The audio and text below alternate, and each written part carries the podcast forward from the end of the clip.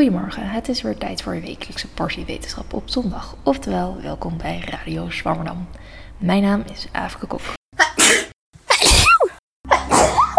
Ja, het hooikortseizoen is weer volop op gang. Sterker nog, de piek van het graspolseizoen was gisteren. Dus iedereen met hooikorts is weer lekker aan het niezen, snotteren en in rode ogen aan het wrijven. Gelukkig heb ik er zelf geen last van, maar of dat zo blijft is nog maar de vraag. Steeds meer mensen krijgen hooikoorts. En dat kun je ook als adolescent nog ontwikkelen. Wat is hooikoorts eigenlijk en kun je er wat aan doen? Daarover sprak ik met Wietske Fokkens, hoogleraar keel, neus en oorheelkunde aan de faculteit geneeskunde van de UvA. Ik zeg sprak, want deze hele uitzending is van tevoren opgenomen.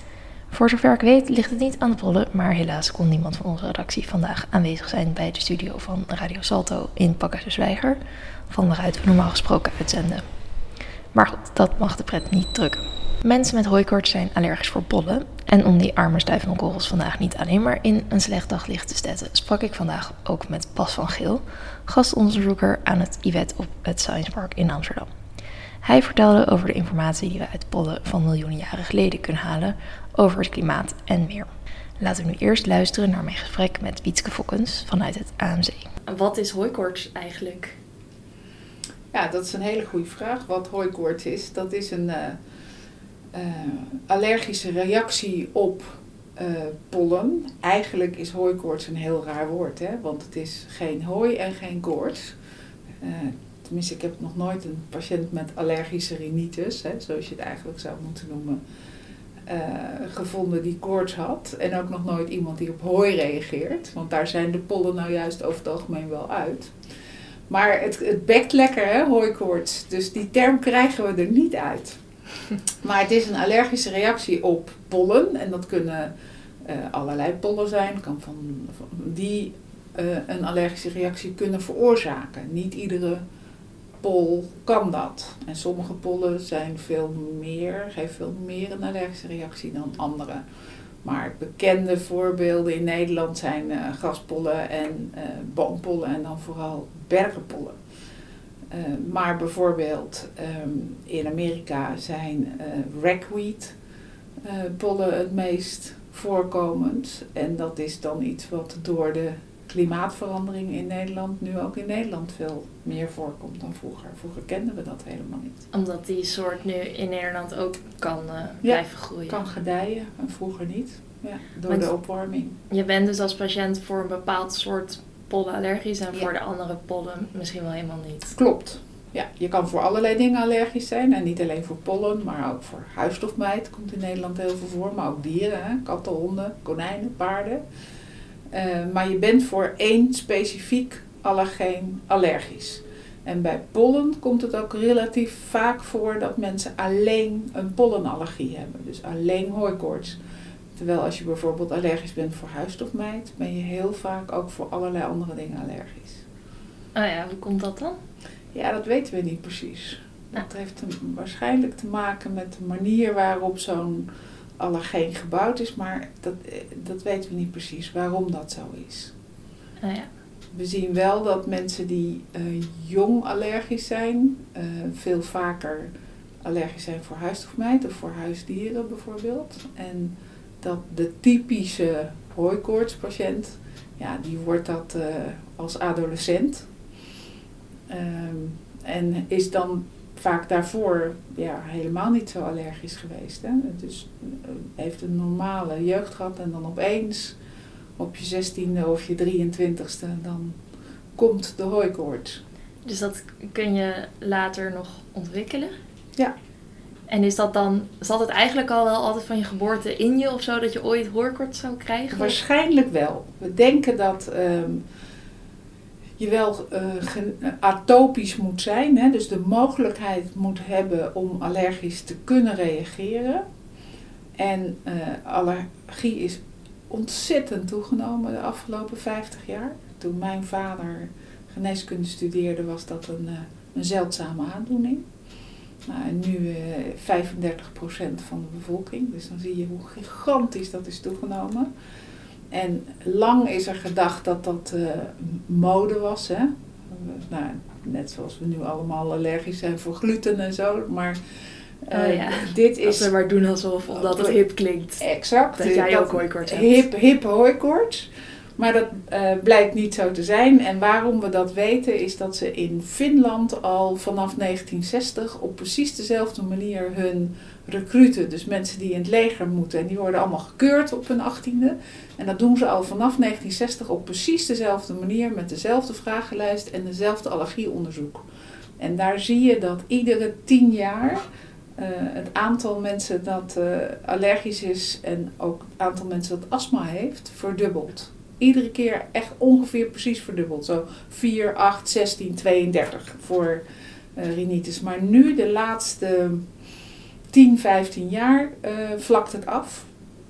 En je ziet in eh, populaties die het allermeest allergisch zijn, bijvoorbeeld Engelsen en ook Australiërs, daar komt het heel veel voor, is het ongeveer 40, dikke 40% van de bevolking. Dus we denken dat daar de, de grens ligt, zeg maar. Dus dat we niet zo heel veel meer kunnen stijgen. En dat dus de andere helft van de bevolking waarschijnlijk het dus niet zal worden, omdat dat niet in hun genetische make-up zit. Dus dat ze dat niet kunnen worden. Dus dat ongeveer de helft van de mensen het kan worden. En nou, dat we die zo langzamerhand ook wel zo ongeveer hebben bereikt. En is die toename dan ook te wijten aan die klimaatverandering? Dat er steeds meer soorten eh, komen waar je allergisch voor kan zijn? Nou, dat, is, dat, dat weten we niet precies. We denken dat dat heel multifactorieel is. En de, de meest aangehangen theorie is dat het komt omdat we allemaal nu veel te schoon leven en veel te weinig infecties hebben. Eh, en allergie ligt heel dicht tegen eh, worminfecties aan. Dat is hetzelfde soort mechanisme. En waarschijnlijk omdat we dus allemaal eh, veel te gezond leven, heel veel antibiotica krijgen als kind, ehm, ja, gaat ons immuunsysteem op allemaal dingen reageren die niet, eh, ja, waar we helemaal niet op zouden moeten reageren. Het is een foute reactie. Je lichaam doet alsof er iets vreselijks gebeurt op iets wat onschuldig is. Nou, dat is lijkt een belangrijke component te zijn. Maar er zijn ook andere componenten. Bijvoorbeeld, er is heel mooi Japans onderzoek die laten zien dat mensen die dicht bij een snelweg wonen veel vaker allergisch zijn dan mensen die verder eraf wonen. Dus dieseldeeltjes hebben, doen waarschijnlijk iets met pollen waardoor wij ze makkelijker als eh, fout herkennen, zeg maar. Als een gevaar denken te moeten herkennen terwijl dat niet zo is. En je ziet ook ehm, dat als je met een bepaald allergeen nooit in aanraking komt, eh, dan kan je daar, word je daar natuurlijk ook niet allergisch voor. Dus bijvoorbeeld mensen die eh, eh, in Azië altijd op een matje sliepen, die hadden geen huisstofmijt. Nu hebben ze een matras. Nou, huisstofmijten die, die vinden matrassen heerlijk. En nu krijgen mensen daar dus huisstofmijtenallergie. Dus het is waarschijnlijk een combinatie van al die dingen. Zijn er ook plekken op de wereld waar je nooit aan pollen wordt blootgesteld? Ja, de, ehm, pollen op alle plekken waar geen eh, planten groeien, heb je ook geen pollen. Dus ehm, als, Lekker naar Antarctica of zo. Bijvoorbeeld, ja. Of er zijn, eh, vroeger gingen mensen met ernstig astma, nu nog steeds wel, maar vroeger veel vaker, bijvoorbeeld naar Davos, hè, naar het astmacentrum. Omdat daar geen huisstofmijt voorkomt. Dat is te hoog en te droog. Dan kunnen huisstofmijten zich niet handhaven. Ehm, en als je nog een beetje hoger gaat en eh, je bent echt hoog in de bergen, ja, dan zijn er geen pollen. En er zijn bijvoorbeeld ook mensen die Ehm, eh, als je heel veel last hebt, kan je met het, eh, met het seizoen meebewegen. Als je heel erg allergisch bent voor gras, nou, dan moet je zorgen dat je niet op de plek bent waar het gras op dat moment bloeit. Dan heb je geen last. Hè? Dus je hoog in het noorden begint, zeg maar, en, eh, en, en meereist Ja, dan, eh, voor de bloei uit. voor de bloei uit en dan even oversteken en dan achter de bloei aan. Dat, eh, dat kan. En je ziet bijvoorbeeld dat mensen hier naar zee gaan. Hè? Dan hebben ze ook vaak minder, minder last. Dan waaien pollen lekker weg Ja, of zo. precies. Ja. Met een beetje zeewind, dan heb je ook minder last. En dan nou wordt hooikoorts meestal een beetje afgedaan als... Ja, dat is gewoon er vervelend voor je, maar deal er maar mee. Ja. Ehm, maar is dat, is dat terecht?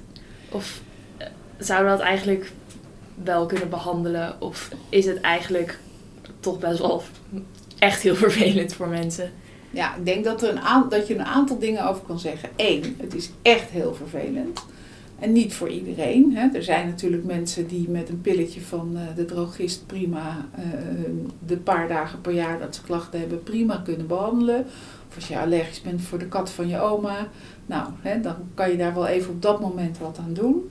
Maar voor hele grote groepen mensen is het, is het een enorme impact op hun kwaliteit van leven. Um, mensen slapen slecht. Um, hè, als je voelt, bedenk maar hoe je je voelt als je snot verkouden bent. Nou, als je dat uh, drie maanden van het jaar bent of vier maanden van het jaar, dan functioneer je gewoon niet goed. En dat is dus je eigen kwaliteit van leven. Hè? Mensen die de hele zomer niet naar buiten willen, uh, die nooit met hun kinderen gaan voetballen, dat, uh, dat soort aspecten. Maar ook een heel belangrijk aspect is mensen gewoon niet goed functioneren.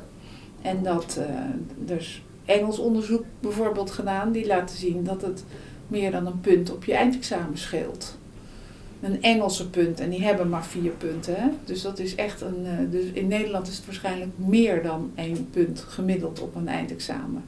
Nou, dat zijn forse effecten. Uh, mensen die gewoon niet goed functioneren op hun werk. Hè. Je blijft niet thuis omdat je hooikoorts hebt, maar je zit gewoon een beetje op je werk aanwezig te wezen.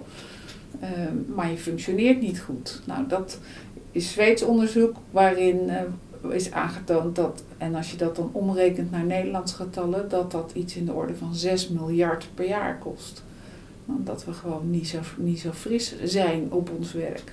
Dus het is een veel groter probleem dan, nou ja, ik heb een beetje, uh, hè, een beetje jeuk in mijn ogen en een snotneus. En wat ik dus ook heel erg probeer iedere keer weer tegen mensen te zeggen op allerlei uh, gremia is ga nou gewoon naar je huisdokter, want het is heel goed te behandelen. En dat pilletje van de drogist is echt niet het eind. Hè? Er zijn nog nou, allerlei andere mogelijkheden die veel beter helpen. Maar ja, als je nooit naar de dokter gaat, zal je er ook nooit achter komen. En waarom, waarom is dat eigenlijk zo dat niemand meer naar de dokter gaat voor hooikoorts? Ik denk dat dat in Nederland is omdat wij uh, heel goed zijn geweest, uh, Nederlandse huisartsen heel goed zijn geweest in uh, ons allemaal leren dat je voor een verkoudheid niet naar de dokter hoeft te gaan. Want een verkoudheid is een virusinfectie. Nou, en Nederlandse huisartsen, maar ook de Margriet en de Libelle, die hebben ons allemaal heel goed geleerd. Een verkoudheid is een virusinfectie, dat gaat vanzelf over. Je hebt geen antibiotica nodig dan hoef je dus ook niet naar de dokter te gaan. En dat is een enorm groot goed, want wij hebben de laagste uh, resistentieproblemen van heel Europa, omdat we zo weinig antibiotica gebruiken. Dus dat is een, een hele goede actie geweest. Alleen daarmee is, denk ik, voor Nederlanders een beetje zo van, ja, met een snotneus ga je niet naar de huisarts. Nou, dit is ook een snotneus, hè? Ja, uh, precies. Dat is niet het ernstig genoeg. voelt hetzelfde als een verkoudheid. Nou, dan ga je gewoon niet mee naar de huisarts. Nou, en dat is denk ik fout. Want dit is niet gewoon een snotneus. En dit is niet met een weekje weer over. Dit verpest, uh, als je pech hebt, uh, de, de helft van het jaar je leven. En dan is het natuurlijk wat anders. En dan moet er wel iets gebeuren. En dan kost het ons met z'n allen ook heel veel geld. Dus het is ook van belang dat, dat die huisarts uh, het dan ook serieus neemt en er ook wat aan doet. Ja. Nou. En dan zijn er allerlei uh, uh, huistuin- en keukenmiddeltjes tegen hooikoorts. Mm -hmm. zit daar nog een kern van waarheid in? Of schrijft de huisarts je dan toch echt wel iets heel anders voor? Ja, nee. Ik, ik ken geen één huistuin- en keukenmiddeltje wat helpt, behalve uh, gedragsdingen. Hè? als je binnen blijft met de ramen dicht. Dat is ook een huistuin- en keukenmiddel. Nou, dat, dat lijkt me effectief. Wel. Ja. Dat is effectief.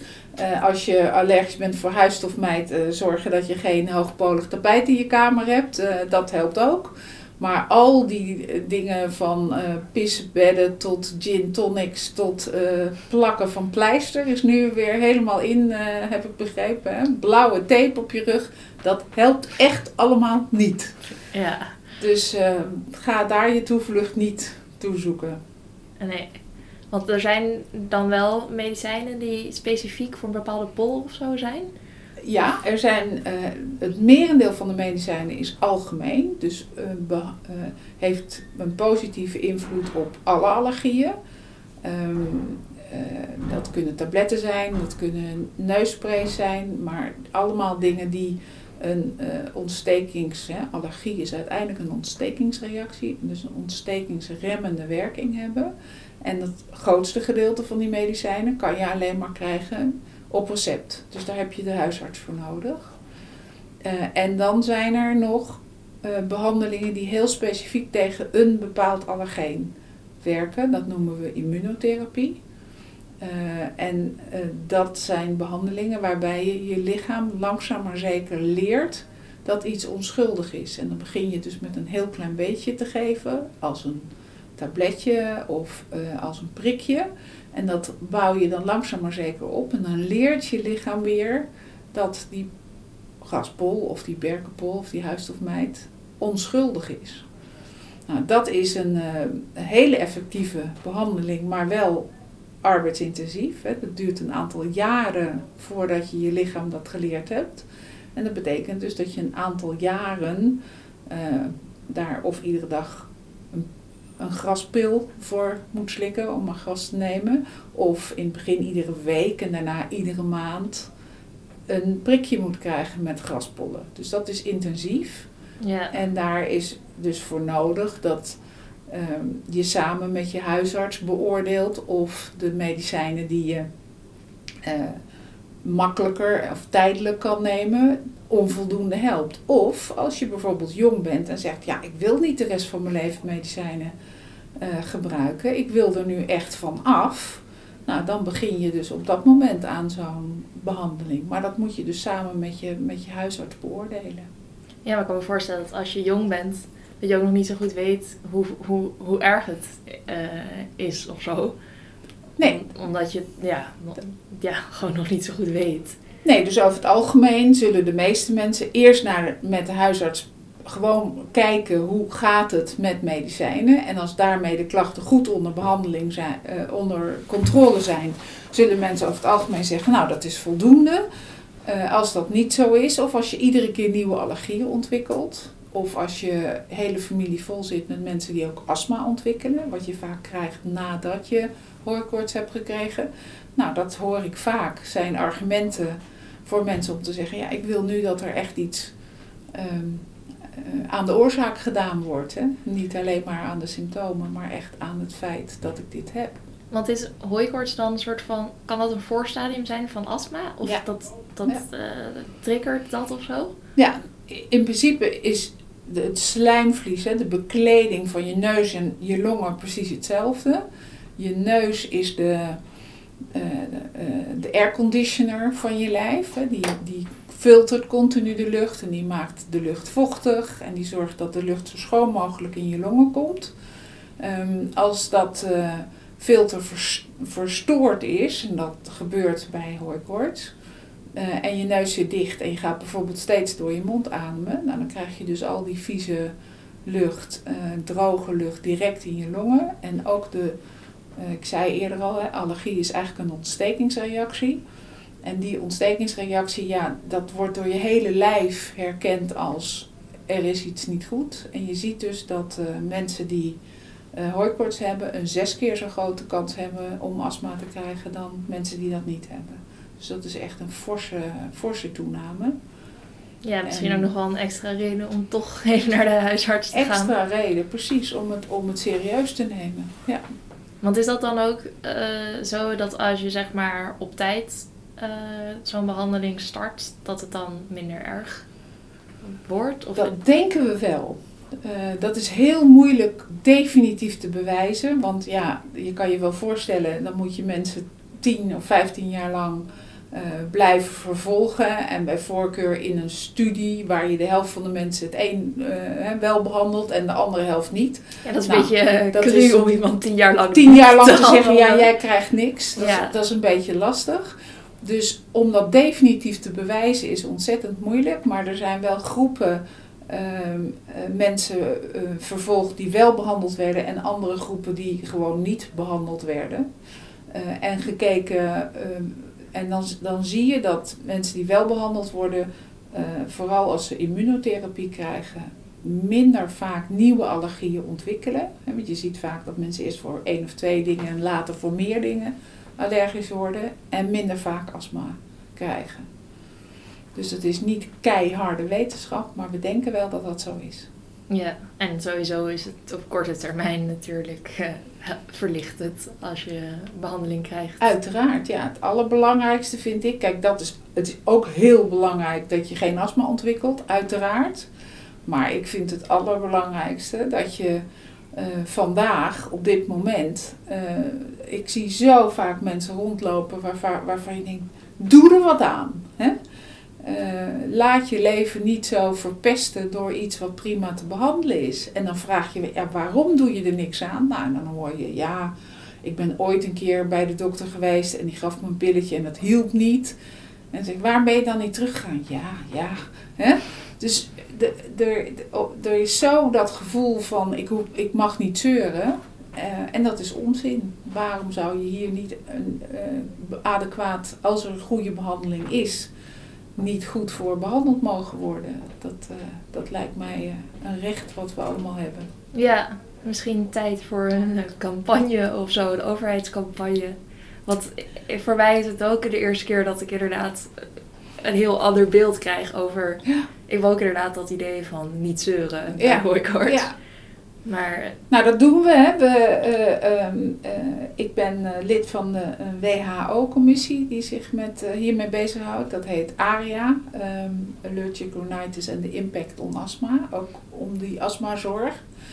Ehm, en we hebben vorig jaar een radiocampagne gedaan eh, om juist mensen dit te vertellen. Nou, ik, praat hier nu met jou. Dit, dit jaar eh, doen we een eh, campagne op Facebook en Instagram, Instagram. Allemaal. We hebben een website. Eh, er is een, eh, een hele mooie eh, app, allergiedagboek app. Zodat je eh, eens even kan bijhouden hoeveel klachten je hebt. Om daarmee naar de huisarts te gaan. Hè? Want als jij bij de huisarts komt en je zegt ja ik heb zo'n last van mijn hooikoorts. Ja, dan wil die ook graag wat meer weten. Dus eh, we hebben een, eh, een app die heet Mask Air. Waarin je je klachten kan bijhouden gedurende een week of zo. En dan kan je daarmee naar de huisarts gaan en zeggen: Kijk, nou, dit hè, ik heb zoveel nachten niet goed geslapen. En ik kon dit niet en ik kon dat niet. En help me.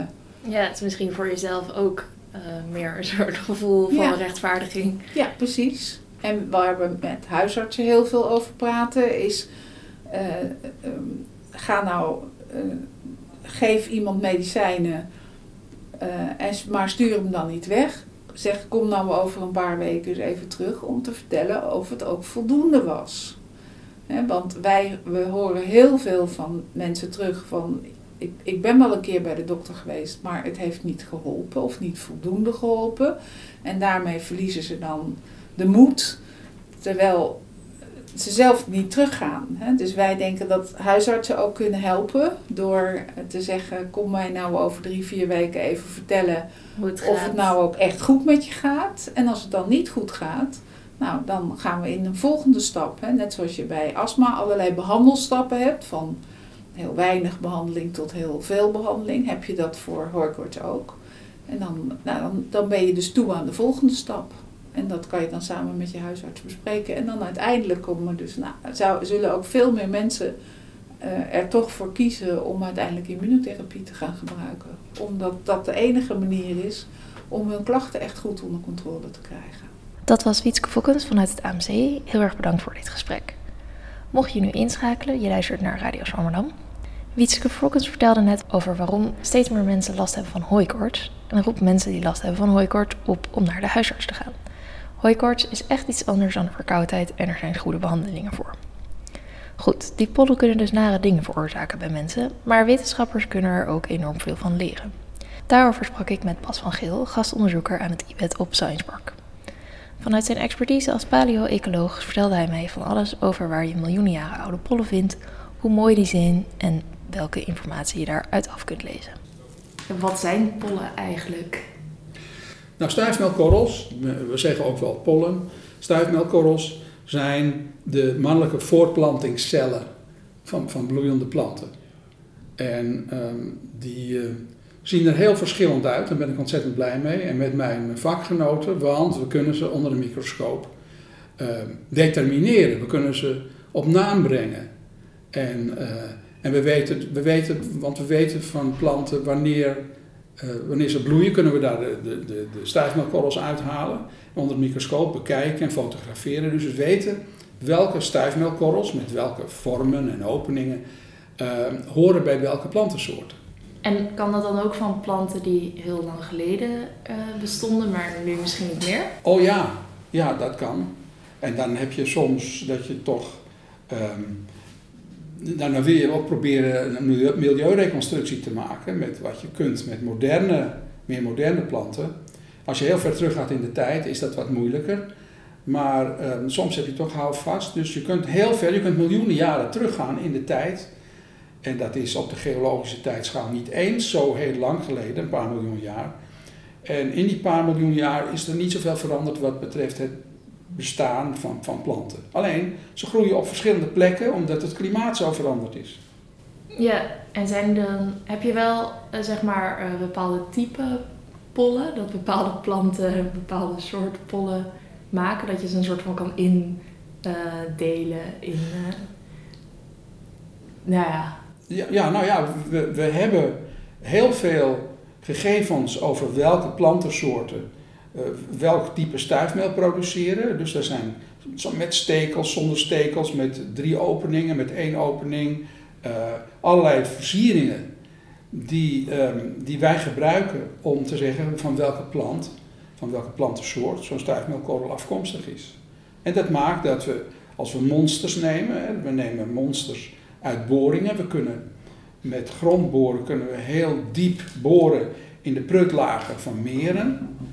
Een collega Hoogimstra die heeft honderden meters geboord in meren in de Andes.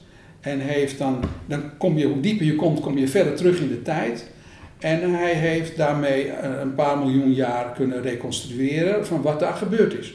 En hoe heeft hij dat nou gedaan? Uh, er zijn vegetatiezones, dus in een, in een dal in de Andes groeien andere planten dan helemaal vlak bij de top, bij de besneeuwde top. En er zitten dus verschillende vegetatiegordels die ook bij klimaatverandering verschuiven. Dus in een koude periode verschuiven alle vegetatiezones naar beneden. En als je ergens een meertje hebt waar de, waar, de, waar de prut afgezet wordt, waar het sediment gevormd wordt, ergens in het midden, dan kun je dus registreren hoe hoog of hoe laag bepaalde vegetatiezones aanwezig waren. En zo kun je dus komen tot een reconstructie van temperatuurveranderingen in het verleden. En dat koppel je dan weer, of je vergelijkt dat met de reconstructies voor diezelfde tijdsperiode, die gemaakt zijn met zuurstofisotopen, om maar iets te noemen. Die zijn ook afhankelijk van, van klimaat, van temperatuur en, en neerslag. Dus we kunnen teruggaan in de tijd en het stuifmeel speelt daarbij een belangrijke rol. En dan dat stijfmeel blijft dus gewoon miljoenen jaren lang een soort van goed bewaard. Ja, als het maar afgesloten is van de lucht, eh, bijvoorbeeld onder water of, um, uh, of heel erg droog, dan zijn er geen micro-organismen meer die, dat, die dan de zaak kunnen aantasten. Dus ze zijn zo stevig van wand dat, dat ze dan nog steeds herkenbaar zijn. De inhoud niet. De inhoud, de levende inhoud van die stuifmeelkorrels, ja, dat is waterig en daar zit, zit erfelijk materiaal in. En dat is vrijwel nooit bewaard gebleven. Maar juist die stevige wand maakt dat, uh, dat het zo lang bewaard en herkenbaar blijft. Ja, dus je kunt er niet meer DNA-analyse op Nou, dat gebeurt wel. Ah. Uh, er zijn bijvoorbeeld in, in meerafzettingen in Noorwegen heeft men de aanwezigheid van bepaalde naaldbomen kunnen registreren. Want je weet, kijk, stuifmeel komt door de lucht aanwaaien. En um, men heeft daar dus met, met DNA ook extra bewijs gevonden voor de aanwezigheid van na, bepaalde naaldboomsoorten uh, tijdens de laatste ijstijd. Dus dat wordt ook gebruikt. En ik heb ook wel gewerkt aan materiaal uit mammoetdarmen. En daar hebben we en het stuifmeel, prachtig bewaard gebleven, want die mammoeten die zijn in het ijs, of in, in de bevroren bodem, we noemen dat permafrost, uh, zijn ze goed bewaard gebleven. En uh, de darminhoud van zeg maar de laatste paar maaltijden van dat beest, die zijn puntgaaf, behalve dat het natuurlijk gekoud is door het beest. Uh, maar goed, we hebben dus de zaden kunnen onderzoeken, de mossen, de, natuurlijk ook de stuifmeelkorrels en het DNA. Want zo'n moderne methode die laat je niet liggen. Hè. In samenwerkingsverband met Barbara Gravendeel van de Universiteit Leiden hebben we ook dat aspect meegenomen in het onderzoek. Dus dan krijg je een heel mooi beeld van wat daar groeide en wat die beesten gegeten hebben. Ja, en levert dat dan nog nieuwe inzichten op? Ja, want in die combinatie van, van plantensoorten uh, hebben we bepaalde conclusies kunnen trekken. En dat heeft te maken met het feit dat we ook mestschimmels uh, gevonden hebben.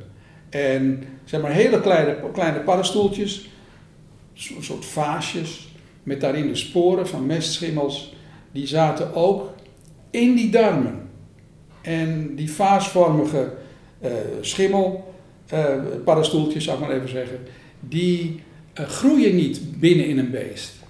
Dat wil zeggen, er moet mest gegeten zijn door die mammoeten. En dat hebben we iedere keer weer gevonden. En dat, heet, dat noemen we coprofagie, het eten van, van mest. Uh, we hebben ook gekeken naar wat voor mest dat nou was, van welke dieren. En dan blijkt dat er in die monsters uit die darmen, daar zaten geen galzuren in. Nou, vrijwel alle uh, zoogdieren hebben galzuren in hun mest, alleen olifanten niet. En ook zeekoeien uh, en, en een paar andere soorten die in de tropen voorkomen. Nou, hier hebben we een verwant van, van, van olifanten. Geen galzuren, wel die schimmelresten die wijzen op het eten van mest. En dan kunnen we zeggen, ja, uh, ze hebben mest gegeten en wel mammoetmest. En dan hebben we dus een gedragsaspect hebben we gereconstrueerd voor een uitgestorven diersoort op grond van de inhoud van zijn darmen. En dan kun je zeggen, ja, waarom eten die beesten dan mest? Dat weten we ook, omdat bepaalde micro-organismen eh, in een late fase in de dikke darm vormen bepaalde vitamine. En die vitamine zouden verloren gaan als dat beest dat materiaal alleen maar uitpoept. Ze eten er ook van en krijgen dan die vitaminen die gemaakt zijn door die bacteriën, krijgen ze toch binnen. Je zou bijna zeggen een soort herkauwen, maar het is uh, toch net iets anders. In ieder geval krijgen ze het toch binnen en is dat ook functioneel dat die beesten die mammoetmest eten. Waarbij je ook nog kunt voorstellen dat als ze kunnen onthouden waar van die hopen, van die grote bolussen van, van mammoetmest liggen, dat ze daar ook zwinters van kunnen eten als de vegetatie uh, zeg maar verdord is en als daar niet veel te halen valt. Dus dat stellen we ons voor dat dat ook nog wel een rol gespeeld kan hebben. En al die, die resten blijven gewoon bewaard. Want ik, maagzuur is best wel uh, zuur, toch? Ja, maar je moet je voorstellen dat een beest, uh, bijvoorbeeld in een heuvelachtig landschap, uh, dat zomers de, de zaak ontdooit, de bovenste zeg maar halve meter of zo, hè, in Noord-Siberië. En dat er dus stromen van prut kunnen zijn waar een beest niet weg kan komen en bedekt raakt met die prutlagen. En dan komt de vorst omhoog, want alleen de bovenste halve meter zal dan ontdooid zijn. En zo zijn beesten dus puntgaaf bewaard gebleven. Met name ook een babymammoet, die hadden de Russische collega's Lyuba genoemd. En Lyuba had nog melkresten in zijn maagdarmkanaal. Dus van, van, die witte, vlokkige resten van, van de moedermelk. Um, dus ja, je kunt heel veel reconstrueren en het blijft ook nog goed bewaard, vooral als het gaat om bevroren materiaal. Nou, we hebben, we hebben onderzoek gedaan en doen nog steeds aan, aan, aan mammoeten. Die komen uit de permanent bevroren bodem daar in Noord-Siberië en in, in Noord-Amerika. Maar we hebben ook onderzoek gedaan, heel dichtbij, aan dieren uit de laatste ijstijd. En nu is het zo dat er wordt zand gewonnen in de Noordzee voor um, de zandmotor. Dat is een, een, een, een nieuw dan wordt dat zand gedeponeerd om de kust te versterken. We hebben de Maasvlakte gehad. En nu is er een groep van mensen die zijn lid van de werkgroep Pleistocene zoogdieren, de zoogdieren uit, de, uit de ijstijdperiode. En die zoeken in dat opgebaggerde zand naar botten en naar kiezen en andere resten, stevige resten van dieren die in die laatste ijstijd met name hebben geleefd. En nu bleek dat hertachtige, maar ook andere dieren, eh, reuzenhert, uh, rendier, edelhert en nog een paar soorten, die hebben heel veel diepe plooien in hun kiezen. En in ongeveer de helft van de gevallen bleken die plooien nog stuifmeel te bevatten. Aangestampt bij het kauwen van, wat, die, wat die dieren gedaan hebben. En zo heb ik dus via die club van, uh, van, van, van amateurs heel veel materiaal gekregen waar ik met een prepareernaald de, de stuifmeelkorrels kon lospeuteren uit die, uit die plooien.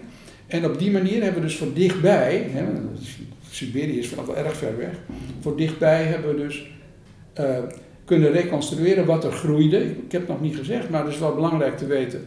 De zeespiegel was 120 meter lager dan nu, omdat er zoveel water opgeslagen lag in het landijs. Ja. Dus die beesten liepen daar echt rond, gingen daar ook dood.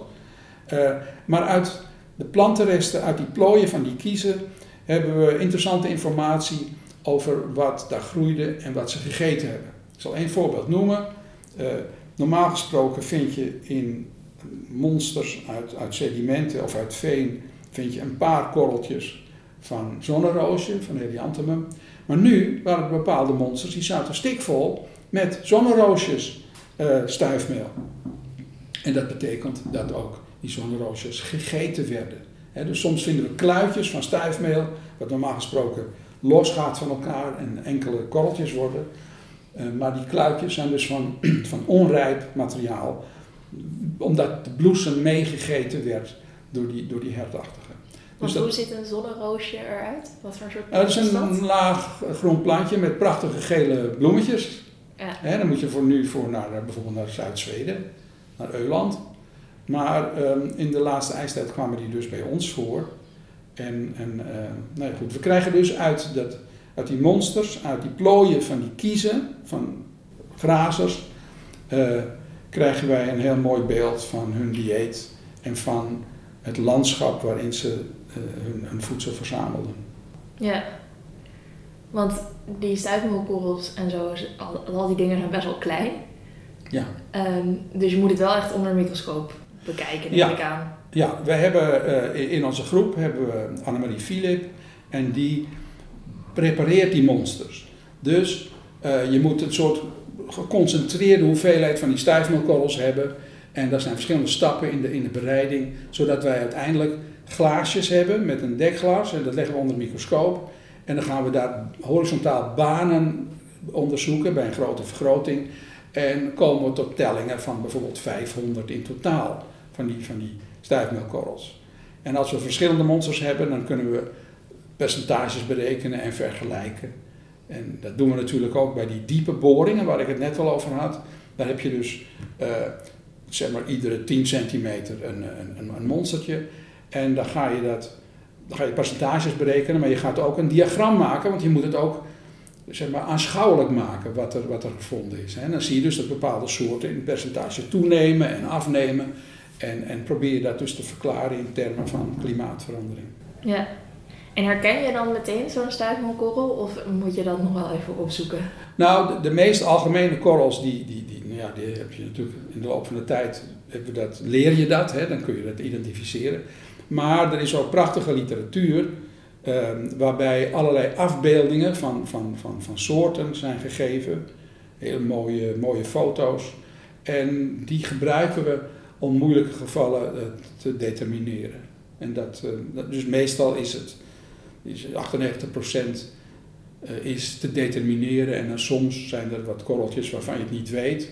Ook omdat ze enigszins beschadigd kunnen zijn. En dan maakt dat, gaat dat ten koste van van de, de, de, de, de herkenbaarheid. Zou je dan ook nog wel een soort uh, achteraf een nieuwe soort kunnen ontdekken? Um, als je verder teruggaat in de tijd, hè, wij in onze groep werken aan, aan materiaal uit de laatste paar miljoen jaar. um, maar als je veel verder teruggaat in de tijd, dan heb je te maken, uh, naarmate je verder teruggaat in de tijd, met uitgestorven soorten ook. En in die, op die manier vind je dus nieuwe soorten uit het verleden. de soorten van nu, ja, die zijn, die zijn wel bekend, zeker, zeker in Noordwest-Europa. En eigenlijk wereldwijd wordt er nog wel eens een nieuwe soort ontdekt, maar daar heb je de stuifmeelkorrels niet van nodig. Ja, precies. Want alle plant, maken eigenlijk alle planten van die pollen? Nee, je moet echt planten hebben met bloemen. Mossen zijn ook planten, maar daar heb je nou een voorbeeld. Mossen vormen sporen. Eh, ook voor de voortplanting, maar dat noemen we geen stuifmeelkorrel. Ja. Dus het zijn echt de bloeiende planten die, ehm, die stuifmeel vormen. Ja. Maar die, maar die sporen van die mossen kan je misschien ook wel weer... Ja, die gebruiken we ook. En natuurlijk kijken we ook naar de, de grotere plantenresten in onze monsters. Hè. We noemen dat macroresten. En als je het over mossen hebt, zijn die soms helemaal goed bewaard gebleven. En dan heb ik weer collega's die expert zijn op het gebied van, van mossen. En die krijgen naar het materiaal dat ik gevonden heb. En daar, komt, daar komen dus de namen van die mossen voor terug. En uh, zij hebben dan ook daaraan gewerkt en zijn dan mede-auteur van, van een artikel waar ook hun gegevens in verwerkt zijn. Ja. Dus het is vaak teamwork. ja, dus je moet met allerlei verschillende vakgebieden ook samenwerken. Ja, ook, ook het dateren. Hè. Je, wil, je gaat terug in de tijd en je wil weten waar je zit in de tijd. En dan kun je voor de laatste 50.000 jaar eh, de koolstof-14-methode eh, toepassen of toe laten passen. Want er is een instituut in Groningen waar dat gebeurt, Groningse Universiteit. Uh, maar dan kiezen wij de niveaus waarvan we zeggen, ja, maar dat en dat en dat niveau, daarvan willen we weten hoe oud het was. Ja, want koolstof 14 is een soort uh, isotopenbepaling. Ja, ja, koolstof 14 wordt aangemaakt in de atmosfeer door kosmische straling, door bombardementen van, van kosmische straling. En uh, het vervalt, het is geen stabiel isotoop, het vervalt tot een vorm van stikstof. En we kennen daar de halveringstijd. Dus we kunnen kijken aan het oude materiaal hoeveel radioactiviteit er nog in zit. En, en dan kunnen we met computerprogramma's kunnen we zeggen, oké, maar dan in kalendertijd is het zo en zo oud. Ja, en meer dan 50.000 jaar geleden moet je het van andere methodes ja, Dan heb je andere dateringsmethoden nodig, want um, als je meer dan 50.000 jaar oud materiaal hebt, dan is daar alle koolstof 14 vervallen en is dat dus niet meer bruikbaar als, uh, voor, voor datering. Maar dan zijn er weer andere isotopen die gebruikt zouden kunnen worden. Oh ja, ja. En dus ik stel me zo voor, dan werk je samen met scheikundigen. Fysici, hè? natuurkundigen. Die, die uh, zeg maar, daar in Groningen op dat instituut uh, hun eigen onderzoek hebben, maar daarbij ook in de toegepaste sfeer de apparatuur hebben om die uh, ouderdomsbepalingen te doen. Ja. En moet je dan, uh, nou je had het net even over de Andes en dan kun je dus zien welke soort planten waar groeien en op basis daarvan kun je een soort van bedenken hoe het er vroeger uit heeft gezien. Ja. Moet je dan een heel groot gebied bekijken voordat je iets kan zeggen over hoe het er vroeger uitzag? Nou, als je dus van diepe boring hebt zoals je noemt, hè, waar, collega Hoogriemstra aan gewerkt heeft, dan zijn die veranderingen van ijstijd naar warme periode zo groot dat je dat heel goed kunt zien. He, dat je de, de planten van, van die, die grazige weiden net onder de sneeuwgrens, uh, daar zitten veel grassen in en er zitten veel wat we noemen composieten in en andere planten die horen bij zo'n vrij extreem klimaattype daar hoog in die bergen. En, en, en naarmate je dus lager komt en naar het dal toe gaat, dan heb je andere soorten. Maar die verschillen zijn dus zo groot uh, in pollenneerslag dat je dat kunt interpreteren als hey, we, hebben, hey, we hebben hier een koude fase en daar hebben we een warmere fase. En een, nou ja, al, alle fluctuaties die, die we vinden, die passen bij wat er bijvoorbeeld in Groenlands ijs geboord is waar de isotopen uh, aan gedaan zijn, zuurstofisotopen, waar we ook die geschiedenis van het klimaat van kennen. En dan leg je dat naast elkaar en dan past dat heel mooi. En dan krijg je dus steeds een beter beeld wereldwijd van hoe het klimaat in de loop der tijd veranderd is. Ja, dus kan je eigenlijk met een best wel lokale meting iets zeggen over het wereldwijde oh ja, situatie. Want, want natuurlijk zijn mensen, als het gaat om nieuwe gebieden, zijn ze, um, zitten ze erachteraan, zijn ze op jacht naar gebieden waar nog niks van bekend is. Dus we krijgen eigenlijk steeds meer uit boringen, steeds meer gegevens, zodat je kunt zien wat er in de tropen gebeurd is ten opzichte van de gematigde gebieden, ten opzichte van uh, echte koude gebieden. Hè, dus die, die gegevens, die, die groeit, dat hoeveelheid gegevens groeien nog steeds. Ja. En kunnen we soort van tot het begin van het leven, plantenleven teruggaan? Of is er een grens aan? Uh... Nou, nee, je kunt, je kunt, dat doen wij niet hier hoor. Maar, maar er zijn natuurlijk mensen die veel verder teruggaan in de tijd. En dan kom je uit op um, resten van, van, van organismen en zeker ook planten, die, die we niet kennen, maar die dan karakteristiek zijn voor het begin van, van plantengroei. En, uh, en ook de ontwikkeling, de, de, de, de evolutie uh, is, is te achterhalen door te kijken naar microfossielen en, en bladresten enzovoort. Dus je, je kunt, um, je, en dat heeft men ook gedaan, voor al die opeenvolgende perioden een indruk gekregen via fossielen van wat daar dan voorkwam. En dan probeert men dat ook te verklaren in termen van klimaat, klimaatverandering, de, de, de rijkdom of de armoede aan, aan voedingsstoffen speelt natuurlijk ook mee. Ja, en van hier in Europa, van de laatste paar miljoen jaar, kun je, durf je dan te zeggen dat jullie al een aardig beeld hebben van hoe het er uh, nou, hier uitzag? Ja, dat, dat kunnen we zeker. En het, er is ook in de discussie over de toekomst van het klimaat, is het wel vermeldenswaard dat we uh, de rol van de zon bij klimaatveranderingen uh, voor het verleden hebben gezien. Na het laatste ijstijd kun je dat in detail zien dat veranderingen in zonneactiviteit heel erg bepalend waren voor wat het klimaat deed. Dus dan bekijk je, dan weet je hoe de zon veranderd is en dan zie je bijvoorbeeld ook dat dan andere planten zijn gaan groeien of zo. Zo is het, want ik had het net al over C14, maar de aanmaak van C14 is ook afhankelijk van de activiteit van de zon. En we kunnen dus zien hoe de zon minder actief was en meer actief. We hebben gehad bijvoorbeeld de kleine ijstijd, waar en dan dwaal ik een beetje af, maar het is toch wel leuk om te noemen. Schilderijen uit, uit de 17e eeuw met, met wintergezichten. We weten ook uit historische bronnen dat er wekenlang, zo niet maandenlang, sneeuw en ijs was in die, in die kleine ijstijd. En we weten dat ook toen de zonneactiviteit een stuk lager was dan nu. En daarmee kom ik in de discussie over wat er met het huidige klimaat aan de hand is. Ik hoor tot de mensen die nog niet weten welk deel door de mens veroorzaakt is. Het extra broeikasgas in de atmosfeer door het gebruik van fossiele brandstoffen. En welk deel natuurlijk is. En wij hebben achter de rug een periode van temperatuurstijging. En we hebben in dezelfde periode een, een hoge activiteit van de zon, extra hoog. En dat heeft meegedaan bij de temperatuurstijging. En de vraag is dus, in hoeverre is de mens schuldig aan de klimaatverandering van de afgelopen 50 jaar? En in hoeverre is dat het gevolg van zonneactiviteitsveranderingen? Hè? Dus toename van de activiteit van de zon. Um, ik hoor tot de, de, de sceptici die zeggen: wacht nou eens even, probeer nou eens eerst uit te vinden hoe dat zit met het aandeel van de mens ten opzichte van, van de natuur.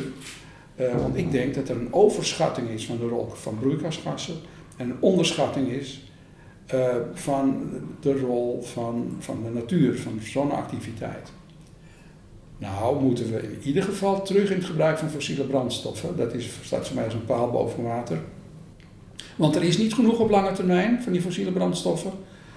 Um, je kunt olie beter gebruiken om er producten van te maken dan dat je het verbrandt. Dan is er nog een belangrijke factor en dat is met veel extra CO2 verzuurt de oceaan, of die wordt eigenlijk minder basis. Dat is heel slecht voor allerlei organismen die in de oceaan leven.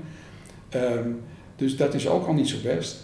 En verder, um, ja, we moeten onafhankelijk zijn van landen zoals Rusland en, en, en, en, en, de, de, golfstaten. Dat maakt ons heel kwetsbaar. Dan heb je het over geopolitiek.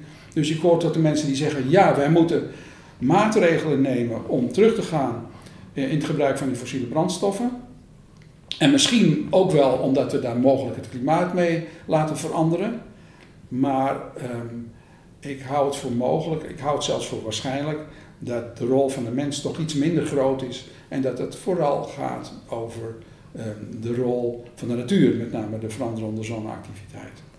En denkt u dat dan, uh, nou ik weet niet over welke schaal, maar uw collega's in de toekomst, zouden die dat misschien uh, weer terug kunnen analyseren? Nou, er is altijd een soort traagheid in, in hoe het klimaat verandert ten opzichte van opwarming kost tijd, afkoeling kost tijd. Er zit altijd een zekere traagheid in. Na tientallen jaren zeer hoge zonneactiviteit ehm, is nu die zonneactiviteit al een tijdje een stuk minder. En dan zou de temperatuur ook wereldwijd mee moeten gaan naar beneden. De temperatuur stagneert al zo'n zo'n 15 jaar, neemt niet echt duidelijk toe. En ehm, de vraag is dus wat dat in de toekomst gaat doen. En als mensen zoals ik gelijk hebben, dan is de verminderde zonneactiviteit van de afgelopen 10 jaar, en dat is voor, voor door mensen die er verstand van hebben zeggen dat gaat nog door enige tientallen jaren, die lage zonneactiviteit, zou dan weer effect moeten hebben op een teruglopen van de temperatuur. Gaat dat gebeuren? Ik weet het niet, maar ik hou het voor mogelijk. Ja, en ik had nog te denken, misschien wat uw uh, collega-wetenschappers in de toekomst ook nog wel moeilijk maakt, is dat wij nu allerlei exoten importeren en zo. Ja. Um, dus dan komen hier opeens uh, stijfmelkorrels van soorten die er eigenlijk niet te horen te staan. Ja. Zou dat dan het beeld misschien uh, vertroebelen? Nee, want we hebben historische bronnen die, die, die, waaruit we kunnen aflezen welke bomen geïmporteerd zijn. Zelfs voor de Romeinse tijd. We weten in de Romeinse tijd is walnoot ingevoerd. Nou, dat zien we in onze diagrammen. We weten dat uh, uit opgravingen dat die walnoten ook, ook gegeten werden. Dus dat ga, je, dat ga je registreren. Voor het verleden weten we dat, wanneer bepaalde cultuurplanten hè, binnengekomen zijn. En, um, en in de toekomst ja, zullen er steeds historische bronnen zijn waarin dat uh, vastgelegd wordt. Ja. Ik heb trouwens nog vergeten te zeggen dat wij ook zeg maar, vooral de mens in zijn milieu kunnen plaatsen met behulp van die stijfmelkorrels. Hè, dus je kunt, je, je kunt um, zien of er bos gekapt werd, eh, of er meer grasland was waar beesten gegraasd hebben, of er cultuurgewassen zoals granen en boekweit, uh, of die, uh, wanneer die, vanaf wanneer die verbouwd werden. dus um, we, we, we, werken ook nauw samen met archeologen om zeg maar de mens in zijn milieu te plaatsen.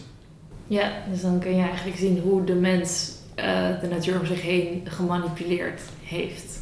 Ja, ja de, de, de, de mens gaat selecteren en dan krijg je wat we noemen domesticatie. Dus de oorspronkelijke planten of de oorspronkelijke dieren gaan veranderingen laten, laten veranderingen zien. Hè? De, de gedomesticeerde uh, uh, runderen zien er anders uit dan de, de, de oerrunderen, om maar iets te noemen. Hè? En de granen zien er anders uit dan hun wilde voorouders. Dus die mens gaat selecteren en zegt van die, die wil ik hebben. En uh, dan, uh, dan krijg je dus een selectie op vorm en uit, in ieder geval op uiterlijk. En dat kunnen we herkennen. Dus ja, dan begint de mens al met het manipuleren van, van planten en dieren die van belang zijn om, uh, om van te leven. Ja. Ja, want dan, ja, dus dan komen bijvoorbeeld eigenlijk maar een bepaalde graansoort vind je terug. Of... Nou ja, we hebben in Noordwest-Europa de wilde granen niet. Dus die groeiden al, zeg maar de grassen waaruit die granen zijn voortgekomen, groeiden in het, oostelijk Middellandse zeegebied. Hè, Iran, Irak, uh, de Levant. Um, daar, zijn, daar is die cultivering van die, van die grassen gebeurd. En is meegenomen met mensen die een boerenbestaan leiden. Het heeft honderden jaren geduurd voordat ze in Noordwest-Europa aankwamen. Maar daar zie je dan voor het eerst graanstuifmeel. Oh ja. En we weten ook uit opgravingen dat die mensen huizen hadden en, en aardewerk hadden in het algemeen. Dus um, je combineert gegevens. Uh, door de jaren heen, ik ben nu 71, maar ik heb dus tientallen jaren uh, dit type werk gedaan. Het is een genoegen om door zo'n microscoop te kijken en die prachtige vormen van die stijfmelkorrels te zien. Dus het is niet saai routinewerk, maar het is toch altijd ook een beetje spannend van wat ga je vinden, wat, wat voor, voor soorten uh, komen voor en hoe verandert dat in de tijd. En nou ja, dat is, uh, ik zei het al, hè, je bent bezig met klimaat, klimaatverandering, met de invloed van de mens op de vegetatie. Um, dat vind ik nog steeds interessant. En ook mooi om naar te kijken. En zeker ook heel mooi om naar te kijken, ja. Ja, ja dat was Bas van Geel vanuit het Science Park in Amsterdam. Veel dank voor dit gesprek. Dat betekent ook dat we alweer aan het einde van deze uitzending zijn gekomen. Ik had het vandaag met Wietske Fokkens over hooikoorts en waarom je daarvoor wel naar de huisarts moet gaan. En over pollen in kiesplooien en aardlagen en hoe je daar het klimaat en de relatie van de mens tot de natuur uit kunt aflezen, sprak ik met Bas van Geel. Beide veel dank. Later vandaag verschijnt deze uitzending ook als podcast, zodat je hem kunt terugluisteren via Stitcher, Soundcloud, Spotify of een andere podcast-app. Via onze website radioswammerdam.nl kun je ook voorgaande afleveringen terugvinden. Heb je een reactie, dan vinden wij dat leuk om te horen. Stuur daarvoor een mailtje naar redactie.radioswammerdam.nl of laat het ons weten via Twitter of Facebook. Voor nu wens ik jullie nog een fijne zondag. Mijn naam is Aafke Boek en dit was Radio Swammerdam.